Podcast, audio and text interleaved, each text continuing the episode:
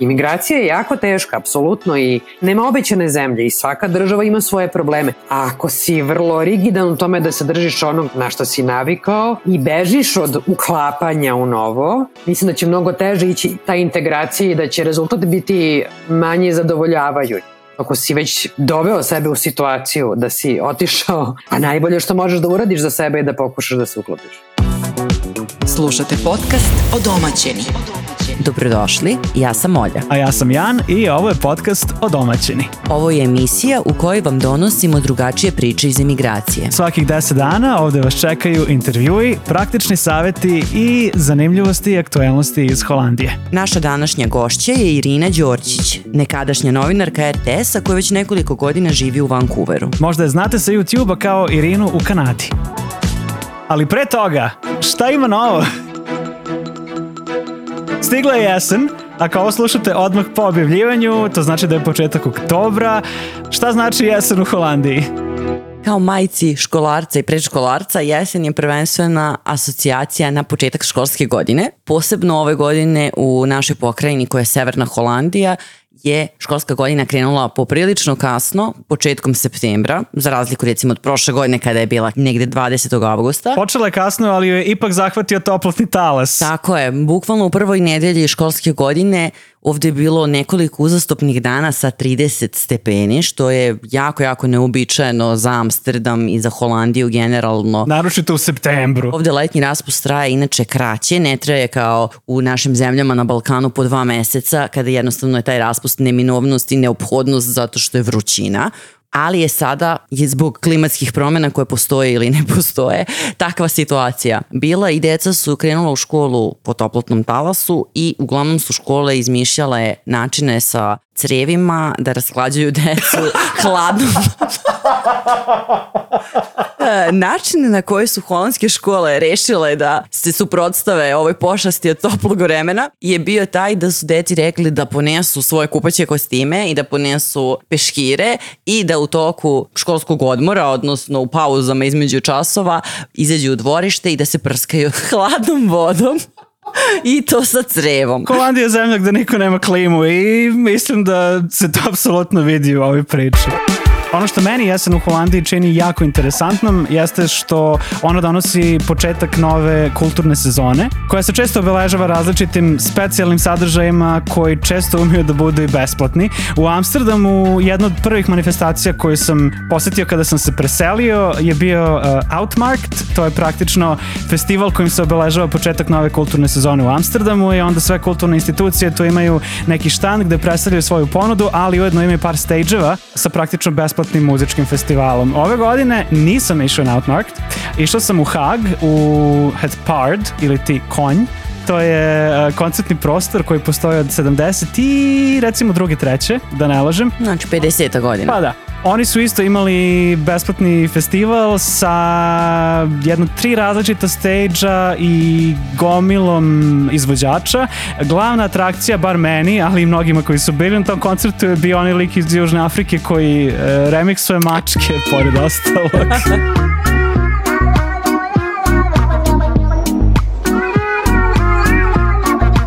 Ovo je The Kiffness, linkovat ću ga negde u opisu epizode.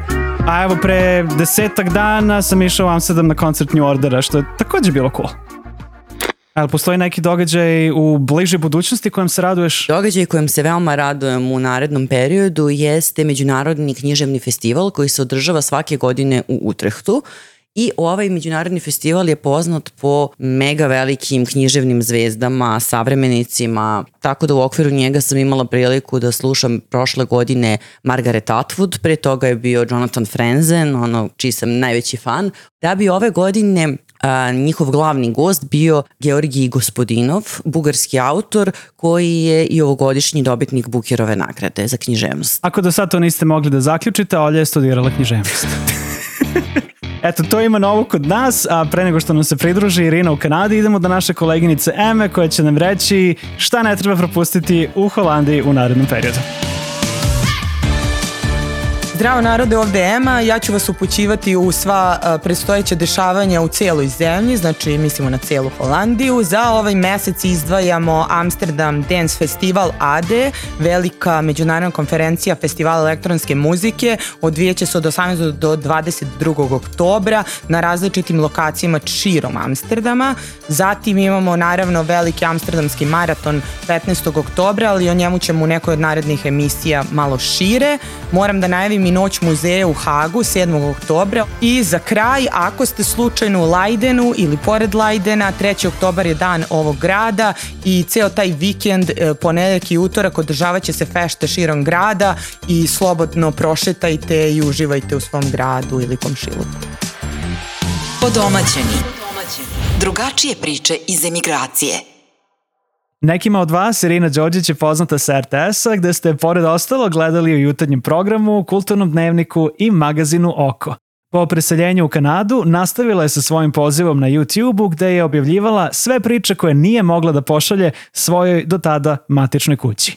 O tome koje su je teme zanimale, zašto je prestala da snima za YouTube, ali i o njenom ličnom i profesionalnom iseljeničkom iskustvu razgovaramo u narednih 30 minuta. Otkud Irina u Kanadi?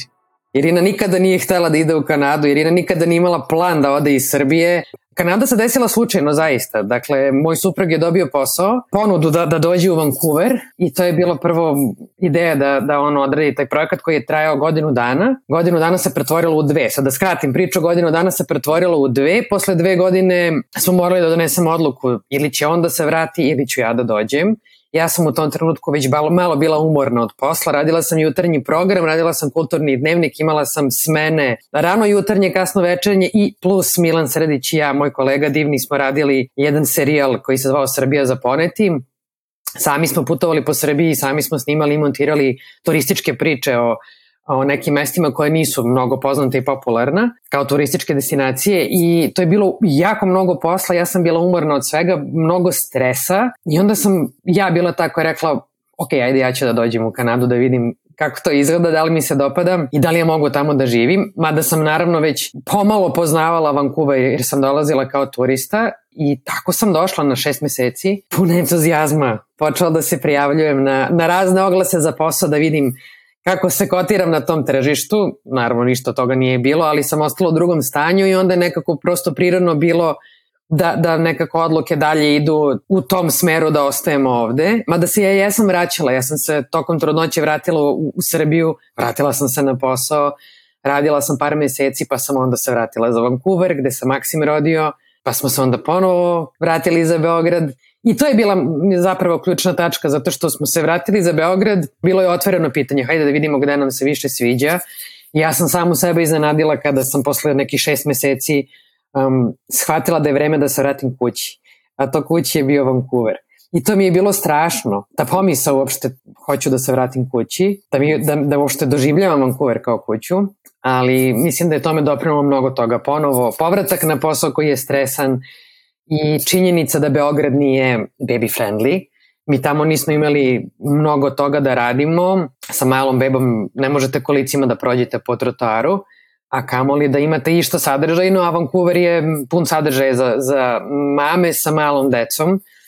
I mame se druže ovde i postoje grupe, um, žene se organizuju preko Facebooka ili društvenih mreža i onda imaju vrlo bogat taj socijalni život svaki dan se negde ide i možeš da, da prilagodiš svoj raspored tim, tim raznim ponudama, tako da sam stvarno uživala u tom momentu i, i to je možda bio u tom trenutku najveći razlog da se vratim. Opet smo se vratili sa idejom, tu smo na neodređenu. Vratio bih se na ideju povratka kući. Šta je to što čini da se negde osjećaš kao kod kući? I zašto je to bio Vancouver, a ne Beograd? U tom trenutku je Vancouver bio zato što mi je bilo udobno da živim u Vancouveru. Geografija grada je takva i, i mi smo eto imali tu sreću da živimo jako blizu centra, i blizu plaže, tako da je meni bilo lako da se sa maksimum spustim na plažu svaki dan, da on ima prostor da se igra ili da odemo u lokalni neighborhood house koji je nešto što bi kod nas recimo bila mesna zajednica gde imaju programe za decu. Dakle, tu svakog dana ima baby time, play time za komšiluk za mame. Baš mesna zajednica ili oni kao community centre? Pa community centre, ali to kod nas ne postoji. I tu je najbolje od svega što su tu dolazile prvo mame sa decom iz komšiluka, znači stvaraju se te veze, pa se sretnete posle na igralištu, pa se sretnete u prodavnici, sretnete se na plaži. Drugo, tamo smo imali ručak svaki dan, koji nije bio besplatan, ali bio vrlo, vrlo pristupačan i prosto su ljudi tu ostajali da bi se družili. Mnogo je bilo benefita samo u tom jednom malom neighborhood house-u. Naravno na stranu što su to bile i te druge grupe za podršku i što smo u Komšiluku imali i još uvek imamo jedan sportski centar koji je onako prilagođen za celu porodicu, pa kad imate malu bebu, možete bebu da ostavite na sat ili sat i po da je tamo čuvaju dok se vi bavite sportom ili recimo ako ste u mojoj koži bili u tom trenutku dok se istuširate. Kad je on bio jako, jako mali, mi nismo imali nikakvu pomoć, Nikola je vrlo često u tom trenutku radio preko vremeno. Ja sam imala jedan period kada sam koristila odlazak u taj sportski centar da bi se istuširala. A inače šta je kuće? Pa ne znam, mislim da je dom sve ono, svako mesto gde se osjećaš dobro, gde je tebi udobno. Šta god to udobno značilo za, za tebe. Šta je za vas dom? Meni je ne, na kraju bio neki zaključak posle svih ovih identitetskih pitanja. Uh, apsolutno ono, moj suprug i naša deca i tad u tom trenutku je bio pas. Znači mi kao porodica i gde god idemo to je dom. Kada se osjećam kao da sam kod kuće i to mi je ono više kad radim neke stvari koje mene jako ispunjavaju, koje me inspirišu, a između ostalog i ovo sad kad radimo. Znači nekako sam se jako pronašla u toj priči našoj migrantskoj i cijeloj toj priči zajednice i svega i naravno kroz neko pisanje i neke stvari još koje me ispunjavaju. Ja nemam ovako lepo odgovor na ovo pitanje, ja ne znam šta je dom. Ima vremena. Znaš, imaš onaj mim kao dom je mesto odakle ne pokušavaš da pobegneš, ali ja sam osoba koja mora da pobegne. Ja sam prošle godine putovao tri meseca, od toga sam proveo mesec dana u Portugalu, mesec dana u Grčkoj i, i tako dalje i tako bliže. Ja sam nekako stalno rastrzan između uh, hoću da budem na jednom mestu i budem deo lokalnog community, a znaš ono, želim da znam bariste u lokalnom kafiću po imenu, želim da odem u ono, camera store gde me znaju i gde me puštaju da rentam stvari duže i naplate mi manje, a onda sa druge strane toliko se plašim da neću stići da doživim dovoljno stvari da stalno želim da budem negde drugde, tako da nemam odgovor na ovo pitanje. E, ali to je divno. Ja, svi smo ti zavideli prošle godine kad smo pratili ta tvoja putovanja. To je bila kriza srednjih godina koja me strafila. Ne, ali sviđa mi se i to. Pa, mislim, ali zar nije to suština da budeš slobodan da možeš da... Da biraš. Jeste, i da probaš i da vidiš da to nije možda pravi izbor, da se predomisliš I baš ovo mi je super nisam znala toliko da ste vi pokušavali da je prvo bio suprug tamo, pa si ti došla, pa ste se vraćali.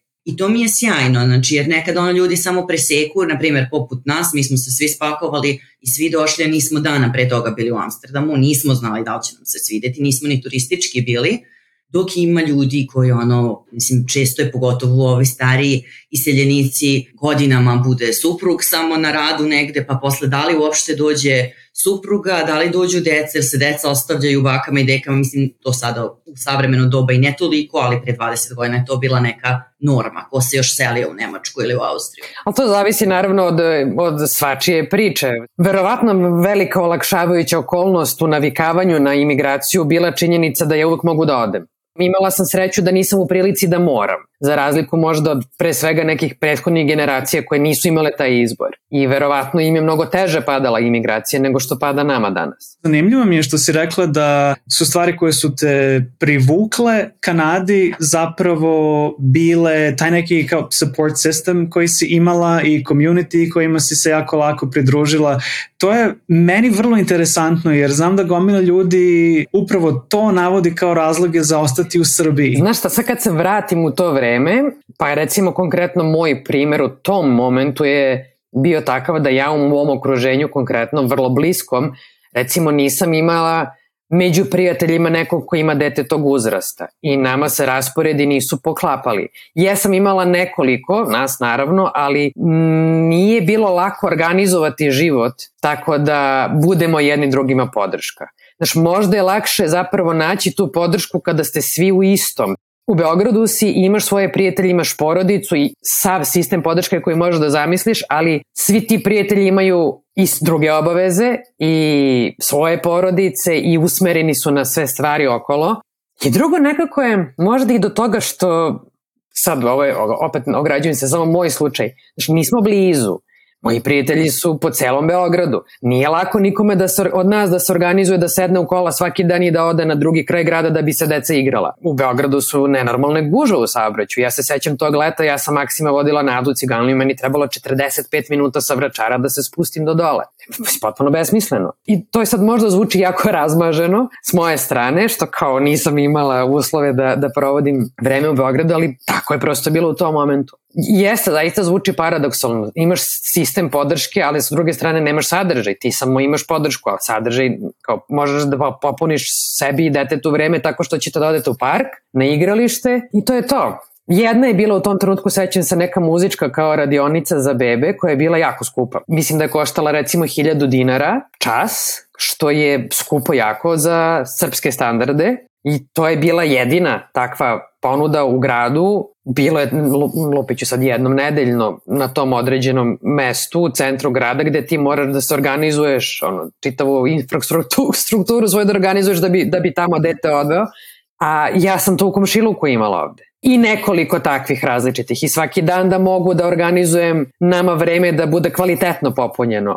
Drugo, možda i sad mala kritika na, na račun našeg stila života tamo, možda i do toga što ono što sam videla dok sam tamo bila i, i u ovom vremenu kad tamo odlazimo, prosto se ljudi drugačije druže, što ne kažem da je loše ili bolje, ali ti se družiš sa drugim roditeljima tako što odete u igronicu. I onda mame i tate vrlo često sede piju kafu, dok se deca igraju, što je divno i meni to mnogo nedostaje ovde, ali to nije kvalitetno provedeno vreme. Lifestyle i kvalitet života jesu važni, o tome nužno ne razmišljamo u Srbiji, ali onda kad skapiramo da postoji još opcija od onoga na što smo navikli, onda uvijek, mm, možda ovo nije toliko loše. Ne znaš ni šta ti fali dok ne vidiš nešto drugačije.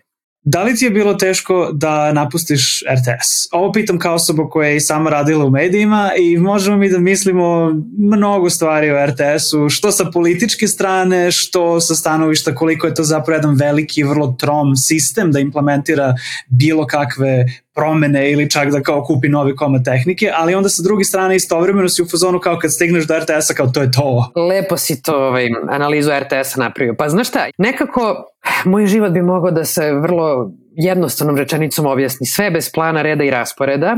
Tako je bilo i sa RTS-om. Ja sam opet ludu sreću imala da se zaposlim u RTS-u i da to ne doživim kao nešto epohalno, zato što mi je bilo lako. E sad, nije bilo lako zato što sam samo imala ludu sreću, nego zato što sam i na tome radila. Zapravo radila sam nešto dobro, pa je to rezultiralo time da sam završila na RTS-u i zbog toga prosto nisam imala osjećaj da sam dobila neku veliku priliku. Dakle, ja sam studirala novinarstvo, ja sam, moj diplomski rad je bio iz televizije, ja sam napravila dokumentarni film koji sam sama snimila, izmontirao ga je naš divni Maki sa Fakulteta političkih nauka koji je u tom trenutku pomagao nama studentima u tom medije centru. I Maki je zapravo zaslužan zašto sam ja završila na RTS-u jer smo mesec dana nakon mog diplomskog slavili diplomski mog prijatelja sa fakulteta koji je takođe diplomirao iz televizije. On je već radio u RTS-u, on je već napravio svoj prvi dokumentarni serijal. To je bio da si je zatvori i Milan Popović se on zove, Milan je već e, dakle bio u RTS-u, diplomirao s jednom epizodom dosija zatvora i na njegovoj proslavi njegovog diplomskog smo Maki i ja igrom slučaja za stolom bili sa urednicom unutrašnje tada redakcije u informativnom programu RTS-a i Maki je pohvalio moj diplomski da su Milanovi moji diplomski bili najbolji u generaciji. I ona je žena rekla, pa ajde dođi kod nas ako hoćeš da probaš i ja sam rekla što da ne. I tako sam počela slučajno da, da volontiram u tom momentu u informativnom programu RTS-a koji zaista jeste ono kao poslednji stepenik kada uopšte uđeš u RTS, ali meni informativa nikada nije interesovalo. Ja nisam htela da radim u dnevniku. Meni to bilo dosadno. Ja nisam htela da pravim te tako kratke forme tih suvoparnih priča o politici ili čemu god što naravno dnevnik nije, nije samo to, ali mi nije bio cilj da tamo ostanem i to je stvarno bilo jedno divno iskustvo. Kasnije to sve ne, išlo nekim svojim drugim tokom, to je već druga tema, ali isto tako kad sam odlazila iz RTS-a nisam to doživljavala epohalno strašno, kao što nisam doživljavala kao veliki dobitak u životu posao u RTS-u, isto tako nisam doživljavala, doživljavala kao veliki gubitak, jer sam znala šta nosim sa sobom. To je moje znanje, iskustvo i sve što ja jesam ne ostaje u RTS-u, to ide sa mnom. Sad će se u tom trenutku ovaj, podrške koleginica nekih, između ostalih, u šminkernici jedno od njih koja mi je rekla idi i ne osvrći se kad se vratiš za šest meseci, jer sam ja u tom trenutku otišla na tih prvih neplaćenih šest meseci, rekla je kad se vratiš sve ćeš da nas nađeš ovde, na isto mesto. I nažalost tako je i bilo. Sad tu dolazimo na, na tu tvoju observaciju o promenama sporim u RTS-u i, i svemu što RTS jeste. Da, nažalost su i dalje svi na isto mesto. Tako da kad se osvrnemo nazad, to je bila dobra odluka, pretpostavljam. I nakon odlaska sa RTS-a i selitbe za Kanadu, pre oko tri godine, možda tri i po si krenula da snimaš YouTube videe. Bio sam vrlo prijatno iznenađen i onda pomalo zbunjen, jer u tom trenutku emigrantski, da ne kažem gastarbajterski kontent na našim jezicima je bio onako dosta diskutabilan. Odmah sam pomislio, wow, ovo zvuči kao RTS. I onda, a pa da, ona jeste radila na RTS-u, ok, ovo ima smisla. Kako i zašto si krenula da snimaš uh, YouTube videe i da li si bila aktivna na društvenim mrežama i pre YouTube-a ili si se zapravo tada aktivirala uh, na svim kanalima? Koliko je u stvari taj YouTube bio neki prirodni nastavak ove karijere, a koliko to smatraš nečim ono, drugačijim ili novim? Bio je prirodni nastavak zato što sad opet da se ne dovežem na ono što sam rekla je malo prija sve svoje sa sobom nosim. Mi smo imali privilegiju da na RTS-u imamo opciju da učestvujemo u raznim edukacijama, tako da sam ja u svemu što je bilo ponuđeno učestvovala. Deo toga su bile i edukacije za snimanje i montažu, tako da sam ja sa RTS-a izašla kao gotov proizvod nešto što se zove multimedia journalist, dakle ja znam sama da produciram svoje priče, ja znam sama da snimam, montiram, da kompletan scenario napravim, mislim, što bi trebalo da zna svaki novinar i uglavnom i zna. Ja sam zapravo radila te priče u početku za RTS i to je bio neki model koji smo mi pokušali da nađemo, uredništvo moje tadašnje redakcije i ja, da ja budem nezvanični, nezvanični dopisnik RTS iz Vancouvera. Nisam mogla da budem zvanični dopisnik zato što je Vancouver jako daleko i nema tu mnogo dešavanja bitnih koja bi interesovala ljuda sa naših prostora, a da je dovoljno da ja budem plaćena redovno kao neki stalni dopisnik. Tako da smo našli neki model da budem neki nezvanični dopisnik iz Vancouvera i to tako što ću ja tražiti neke priče koje su interesantne za u tom momentu jutarnji program i oko magazin. Međutim, nije bilo mesto u programu dovoljno za sve priče koje sam ih htela da pričam. I onda sam ja odlučila da to uradim na svom kanalu. Hajde da napravim svoj mali jutarnji program. I tako je to krenulo. Prosto imala sam previše materijala a premalo prostora na, na RTS-u za to. I nisam htela da to bude neprofesionalno, htela sam da to bude maksimalno moguće, dobro i profesionalno koliko ja mogu da proizvedem.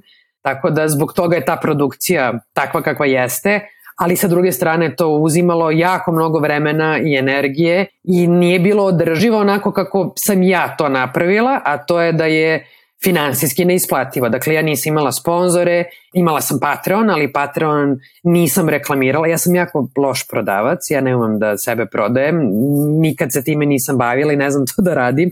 Meni je neprijatno prosto da kažem ljudima da sam ja ponudila opciju i pretplate na Patreonu. Jesam to onako snebljivo rekla i jesam imala nekoliko ljudi koji su se pretplatili na moj, na moj kanal i vrlo sam im zahvalna na tome. Međutim, to je bilo prosto finansijski neodrživo i zbog toga sam prestala da radim. Ali jeste bio prirodni nastavak te moje karijere i moja želja da ja pokažem sve to što ovde ima da se vidi i doživi. A da li sam bila aktivna prethodno na društvenim mrežama? Jesam, ali ne na taj način.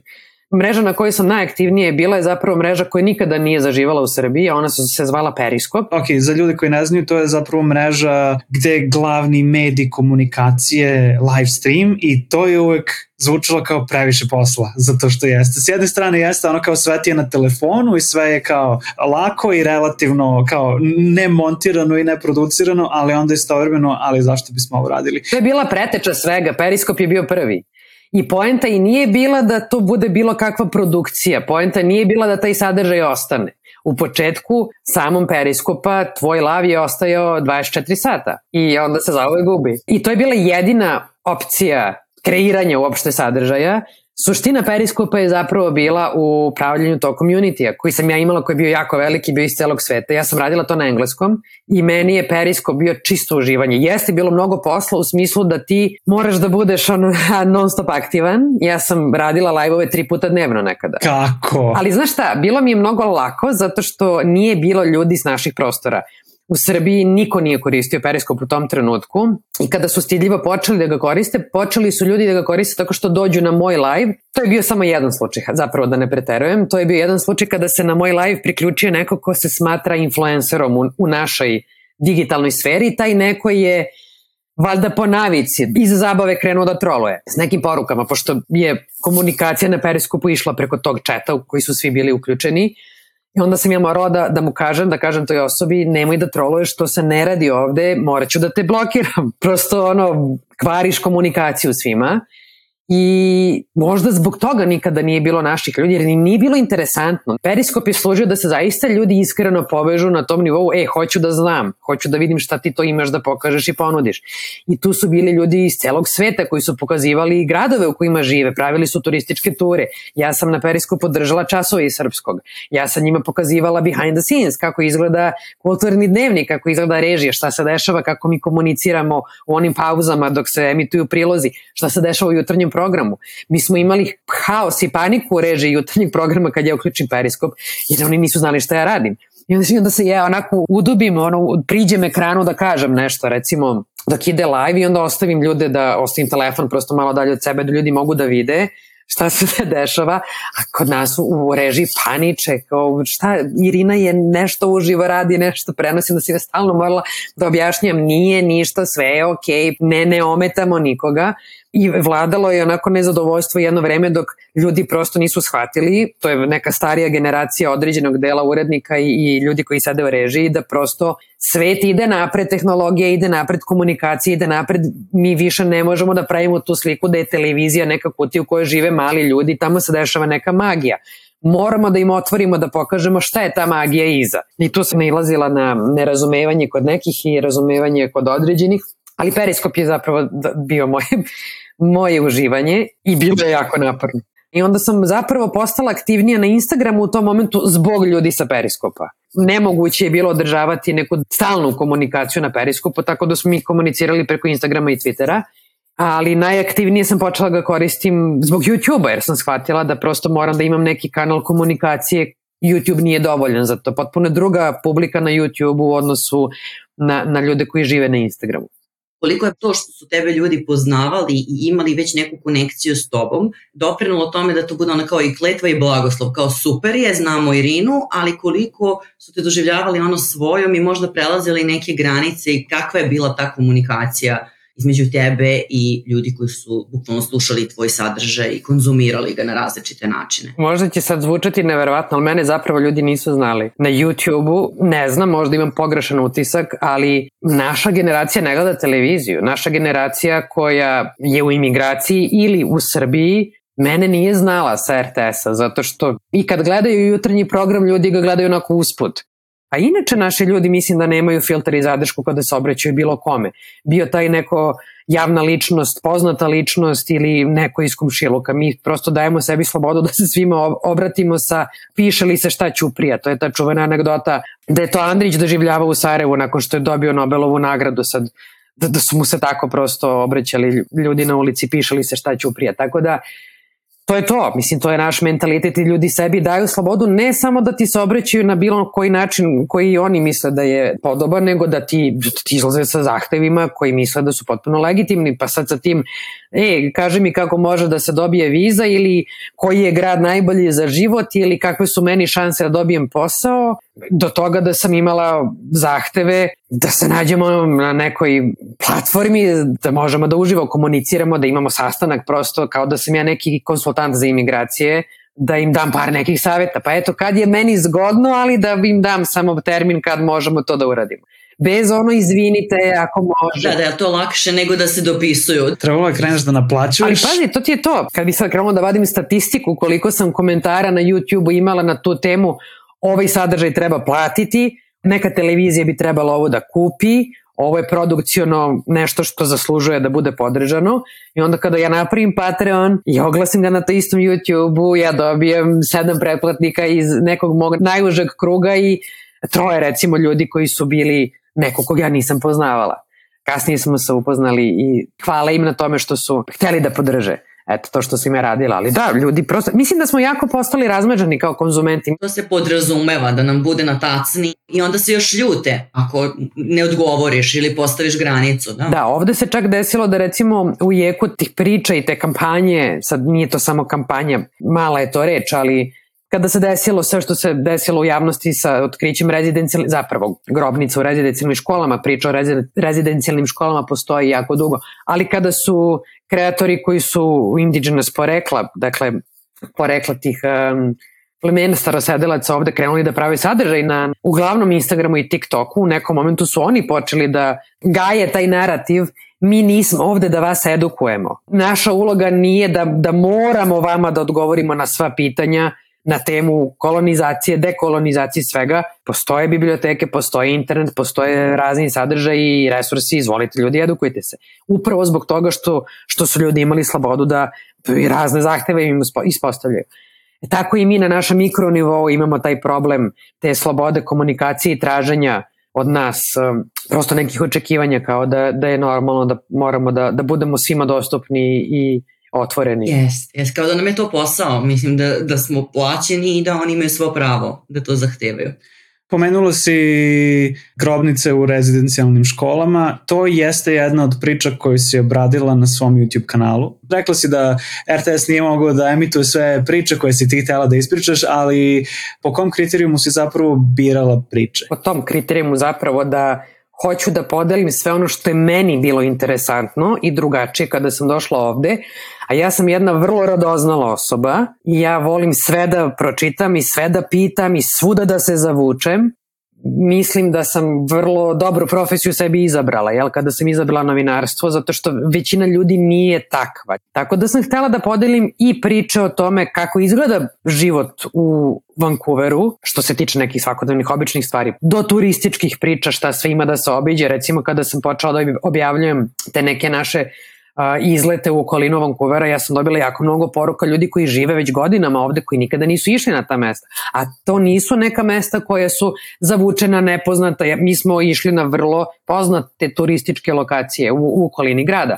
Dobila sam poruke u jednom momentu, sećam se, objavila sam video sa Bowen Islanda, sledećeg vikenda sam dobila pet poruka od ljudi koji su tog vikenda odlučili da odu na Bowen Island. Nisam ja imala neki veliki filter, sad ovo mogu da objavim, ovo ne mogu. Ja sam primarno i za RTS htela da pravim priče o rezidencijalnim školama i o beskućnicima koji žive na ulicama Vancouvera, ali to je bilo previše za RTS, to njima nije bilo interesantno. Međutim, dok sam ja došla do tih priča na mom kanalu, prošlo je mnogo vremena koje sam ja zapravo popunila ovim nekim malim usputnim stvarima, a kada sam objavila priče koje su zapravo mene zanimale, shvatila sam da je to sadržaj koji nije za svakoga, iako je recimo priča o rezidencijalnim školama imala jako veliku gledanost, ali to je produkcijno mnogo zahtevno. Stvaranje takvih priča ne može da izdrži tempo objavljivanja videa jednom nedeljno.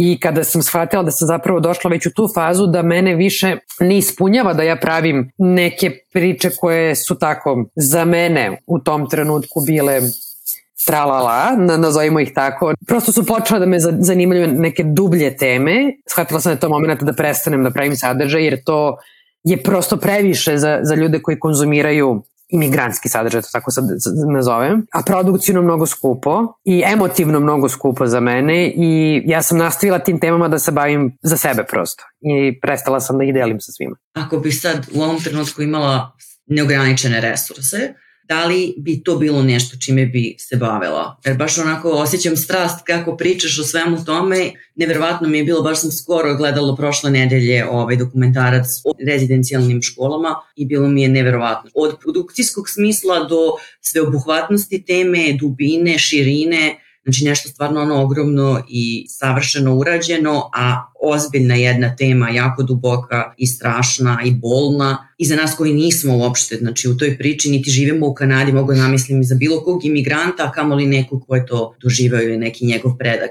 Hvala ti mnogo, znaš šta, ta priča je čekala da bude napravljena. Ako se sećaš, dakle, Alfonsa koji je pričao u tom videu, ja sam taj intervju sa njim uradila skoro godinu dana ranije. Dakle, ja sam planirala tu priču da napravim, ali nisam stizala i nisam uspevala da pronađem sagovornike koje sam mogla da intervjuišem, jer nisam htela da imam samo, samo jednog sagovornika u tako ozbiljnoj temi. I onda se prosto desilo da, su, da, da je otkrivena bila ta masovna grobnica u Kemlopsu, napravljanje memorijala u Vancouveru, gde sam ja otišla i napravila storije sa tog mesta i shvatila da ja moram da napravim tu priču tad u tom momentu. I sela sam da je pravim tog dana. Imala sam jako mnogo materijala već, međutim samim tim što se desilo otkrivanje te masovne grobnice, počele su da se dešavaju i druge stvari, počele su da izlaze vesti na tu temu, počele su da izlaze priče preživeli koje su već postojale, ali su prosto su počele da se dešavaju stvari poput recimo, ja sam imala kolegu sa televizije na kojoj sam radila u tom trenutku,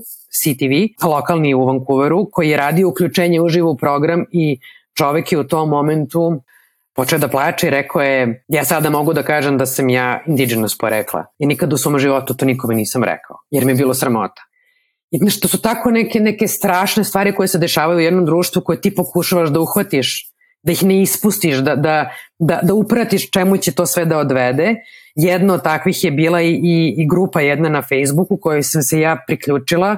Pronašla sam je igrom slučaja gde su ljudi koji su imali iskustvo života u rezidencijalnim školama ili neko iskustvo u porodici, njihovi roditelji ili njihove bake i deke ili bilo koji njihove porodice počeli su da dele te priče i to je bila jedna onako rabbit hole što kažu, gde samo kopaš i počinješ da čitaš i onda pronađeš jednu priču pa googlaš o njoj pa pronađeš fotografiju pa ja sam tri nedelje živela, bukvalno živela tu priču dok je nisam sa svih mogućih strana istražila i onda shvatiš aha imam i ovo, moram i o tome da pronađem, moram da imam izvore, mora da bude podržano to sa, sa nekoliko strana jer ja ne mogu tu da kažem nešto što nije provereno ja sam bukvalno tri nedelje živala tu priču dan, noć, nisam ništa drugo radila osim što sam se bavila tim i to je bilo jako emotivno iscrpljujuće. I što pre sam htela prosto da, da, da je završim jer je moment, ja nisam tri nedelje objavila. I sad s, s jedne strane imam pritisak taj, a sa druge strane imam pritisak moram da objavim kontent, moram da objavim kontent, znaš mora da se objavi video jednom nedeljno. A da to bude na nivou na kome ti želiš da doneseš takvu jednu mm. ogromnu temu. Kako uopšte da razmišljaš o tralala kontentu dok radiš na jednoj ovakvoj priči? Tako je, mislim da je to bila ta tačka kad sam shvatila da ja više ne mogu da pravim sadržaj jer ja više ne želim da se bavim.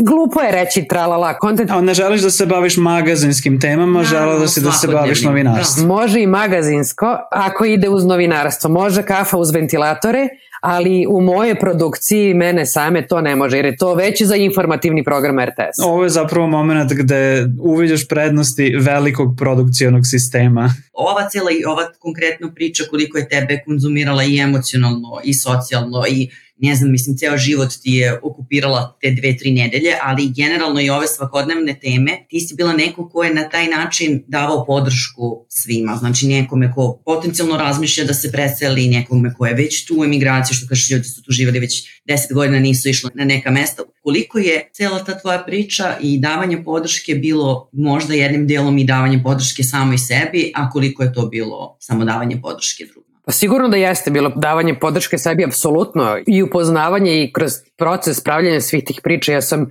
jako mnogo ljudi upoznala divnih koji su mi pomogli na, na razne načine, pomogli mi da se osjećamo domaćeno ovde. Meni zapravo puni baterije da ja pomažem drugima. Meni nikako naš, nisam razmišljala nikada o tome koji je moj benefit u svemu tome. Iako je bio nesporan, imala sam ga sama činjenica da radim nešto što volim najviše na svetu je meni dovoljna. Moja podrška su uvek moji prijatelji, zato se i zovu mojim prijateljima jer su vrlo odabrani. Možda još i deo slagalica zbog kog sam prestala da pravim sadržaj jeste činjenica da nisam dovoljno vremena posvećivala porodici, Maksimo i Nikoli u tom trenutku, malo sam se osjećala isključeno čak kada recimo idemo na put pa ja snimam svaki naš korak i tu dolazimo i do toga da je Maksim raste i da sam shvatila da ja ne želim da on raste pred kamerama i da njegov život bude deo mog sadržaja. Sve se to nekako poklopilo, ali mene je hranila najvećim delom da zapravo ono što mi je možda najveća, najveća korist svega koju sam ja imala jeste to da sam mogla nekom da pomognem. To je svrha mog postojanja. Kad, kasnije kada sam radila u jednom non-profitu, pronašla sam ogrlicu na kojoj piše jedna fraza koja u bukvalnom prevodu znači ja sam tu da dam, ja sam tu da pomognem. Tako da i tu sam pronašla sebe recimo u tome i, i u toj ogrlici koju sam sebi kupila. Meni je to, to bilo jako značajno. Jedan od tvojih, pa nemo kažem, skorašnjih Instagram postova, pošto nisi više aktivna na Instagramu, kaže da si na tada na ovom poslu, ja ne znam da li je to posao na kojem si i sada, pretpostavljam da jeste, organizovala panel diskusiju o profesionalnim problemima sa kojima se susreću uh, žene migranti.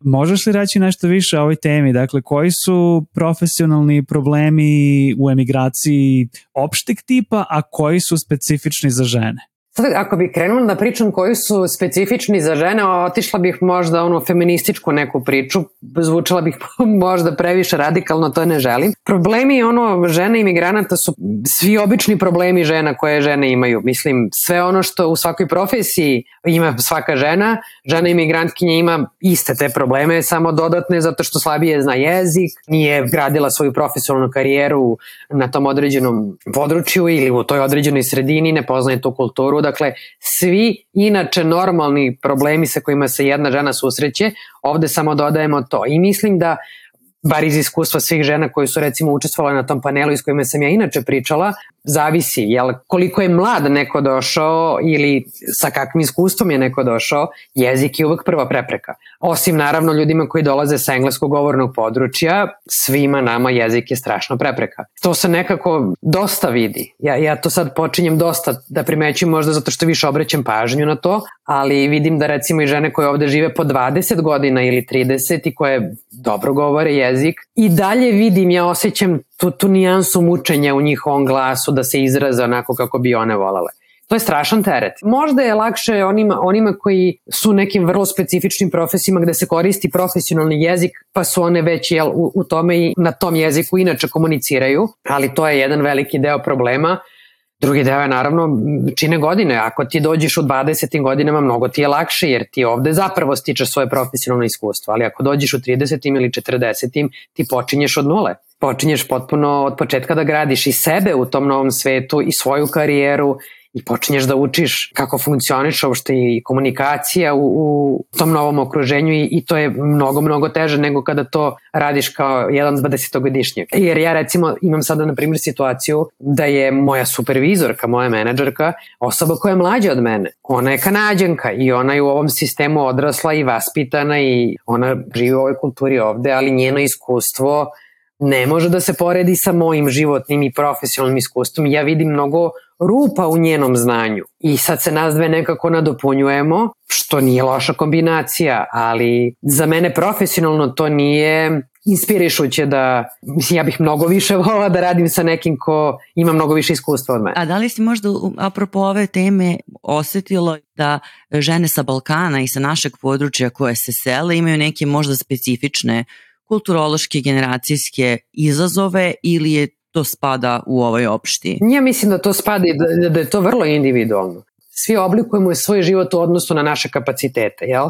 Pa ako si otvoren da učiš o tom novom društvu koje si došao i da menjaš i neka svoje očekivanja i neke svoje možda vrednosti, neke svoje stavove, neke svoje navike, način komunikacije ili šta god to bilo da bi se uklopio u taj sistem, bit će ti lakše, jel?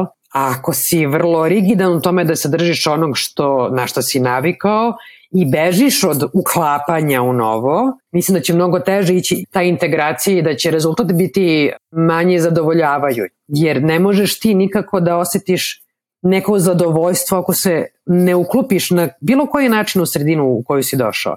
Mislim, to je prosto nemoguće. Ja mislim da odatle mi imamo jako mnogo imigranata koji su nezadovoljni životom u imigraciji. Imigracija je jako teška, apsolutno, i, i nema, nema obećane zemlje i svaka država ima svoje probleme. Ja sam recimo nedavno bila pozvana i zahvalna sam bila na tom pozivu od strane naše zajednice koja je organizovala svoj štand ili svoj prostor na, u okviru proslave Kanada Day-a, to je bilo u julu. Pozvali su me da, da budem u tom prostoru, da kao jedan od predstavnika naše zajednice, da komuniciram sa, sa, sa ljudima koji tu dolaze da upoznaju našu kulturu, da im, da im predstavim ono što mi nosimo. Međutim, ja sam morala te pozive da odbijem zato što sam ja rekla da ja ne slavim Canada Day. Ja prosto ne mogu da, ja ne slavim taj dan, to za mene nije praznik i ja ne bih se osjećala dobro na bilo koji način da budem deo te priče i onda je ta prijateljica moja koja me pozvala da, da tu učestvujem, onako kroz šalu je više rekla pa zašto onda živiš u Kanadi? Na što sam je odgovorila da Kanada ima divnu reklamu i da, mislim, ni sama sebi ne priznaje svoju istoriju, a kamoli ljudima koje pokušava ovde da dovede. Šalu na stranu, naravno, mislim, to je jedna vrlo kompleksna priča, ali ne postoji država koja je savršena. Svaka ima svoje probleme, svaka ima svoje mračne strane, i, ali, mislim, prosto na nama je da se uklopimo ili ne, prosto ako si već doveo sebe u situaciju da si otišao preko granice i izmestio se iz svoje sredine, pa najbolje što možeš da uradiš za sebe je da pokušaš da se uklopiš. Bila je to Irina Đorđić. Možete naći na YouTube-u i Instagramu pod imenom Irina u Kanadi. Iako ona više ne snima aktivno za YouTube, zaista preporučujem gledanje njenog YouTube kanala. Ima tu jako interesantnih tema i jako dobrog novinarstva. Ovo inače nije ceo intervju koji smo snimili sa njom, ceo intervju traje preko sat vremena, ali pošto ne želimo da budemo još jedan podcast koji traje dva sata, rešili smo da skraćujemo intervjue kako bi emisija uvek trajala nekih 40 minuta. Ako vam je Irinina priča bila interesantna i ako želite još, Ceo intervju možete čuti na našem Patreonu ili Patreonu, kako god. Ako odete na patreon.com kroz oddomaćeni, za samo 5 dolara mesečno možete nas podržati, dobiti pristup celim intervjuima i slušati svaku epizodu bar jedan dan ranije. Cele intervjue isto kačimo i na Spotify i cena pretplate je ista. Bićemo vam jako zahvalni ako nas budete podržali, pošto ovakav podcast traži dosta rada, a mi želimo da ga radimo na duže staze. Elem, sa Irinom smo pričali o još i saljeničkih tema, uključujući njenu karijeru nakon odlaska u Kanadu, poznate pice koji su živjeli u Kanadi, ali i sklapanje prijateljstava u emigraciji. Mi smo letos na fakultetu na kom radim imali štrajk i sedam nedelja smo proveli na tim našim štrajkačkim malim tačkama. Moja je bila na mestu gde nisam poznavala nikog sedam nedelje kasnije završila sam sa ono tri nove najbolje drugarice. Ako biste volili da nas podržite, ali ne želite da se obavežete na mesečnu pretplatu, imamo i PayPal. Ako odete na odomaćeni.com, e, naći ćete link odmah ispod playera. Podržite odomaćene na Patreonu, Spotifyu ili putem Paypala. A kada već pričamo o parama, Ema Olje i ja živimo u Holandiji i mnogi ljudi koji planiraju da se presele u Holandiju ili su se tek preselili u Holandiju nam često šalju pitanja u vezi sa različitim administrativnim stvarima. Neka od pitanja koje najčešće dobijamo su u vezi sa dažbinama. Postoje dve stvari koje svaki stanovnik Holandije u obavezi da plaća, bio on holandjanin ili imigrant i to su zdravstveno osiguranje i porez na dohodak. U ovoj i sledećoj epizodi o ove dve stvari pričamo sa Ivanom Hrkač, administrativnom savjetnicom iz firme Totally. Ćao Jan, prva obavezna stvar koju morate uraditi nakon što se upišete u opštinu, e, morate plaćati obavezno zdravstveno osiguranje. To se ovde zove Zorgverzekering, postoji bazi Zorgverzekering koji je jednak za sve zdravstvene osiguravajuće kuće i koji određuje vlade ove zemlje. Šta ćete još dodatno izabrati, to zavisi isključivo od vas i od vaših jelda potreba. Ono što je zanimljivo i što treba da kažem je da je, iako je zdravstveno osiguranje obavezno, ono je zapravo privatno. Dakle, vi možete da birate svoju osiguravajuću kompaniju. Tako je. Možete da birate po tome koja ima ugovor sa nekom bolnicom koja je vama u blizini, koja bi vam najviše odgovarala. Takođe možete da birate neke dodatke koje se tiču recimo, evo Jan nosi naučare, pa on želi ove godine da kupi nove naučare, pa će ove godine da uplati dodatak za očnog ili konkretno za kupovinu naučara. Imao sam dodatak koji pokriva kiropraktičare, na primjer, u jednom trenutku, zato što je moja kičma vrlo ovaj, uzbudljiva. da, to isto uve da bude zanimljivo. Moram samo da kažem da u suštini ono što vam je prepisano receptom, odnosno ono na što vas doktor uputi, to će vam svakako e, osiguranje pokriti bilo da plaćate taj dodatak ili ne. Ono što je još zanimljivo, manje više zanimljivo, to je da postoji ajhan riziko. To je jedna određena svota novca, to je negde oko 370 evra godišnje. Znači sve troškove koje napravite do 370 evra plaćate ih zapravo sami, a sve ono iznad plaća e, zdravstveno osiguranje. Da, ne znam, mi imamo reč za to na srpskom kao na engleskom i deductible, ovaj, ali ono što moram da kažem ljudima je vi možete imati nižu premiju osiguranja ako da berete veći ajhen riziko, ali nemojte to da radite zato što će vam to onda uticati na donošenje zdravstvenih odluka. Ja sam jednom napravio tu grešku i onda sam godinu dana čekao da promenim zdravstveno osiguranje da zapravo mogu išta da radim? Zdravstveno osiguranje se e, bira u januaru, znači sa početkom nove godine jedino ga tada možete promeniti, ne možete u toku godine. I ono što je bitno da se kaže to je da je za decu besplatno do 18. godine.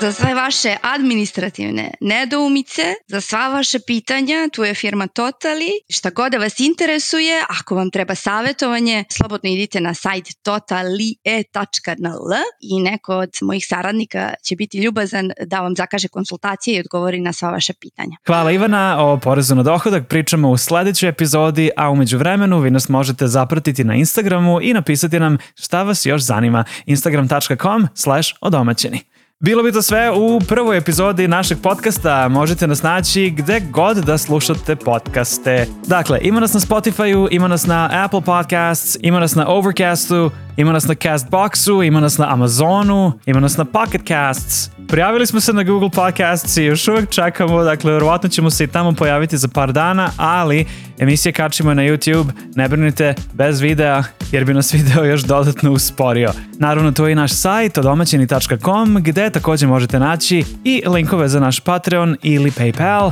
Još jednom, svaka podrška znači. Odomaćeni su Olja, Ema i Jan, audio produkciju potpisuje House Panther Media iz Rotterdama, a gost u sledećem izdanju emisije je Marko Vidojković. Hvala vam na slušanju, nadamo se da ste uživali i čujemo se za 10 dana.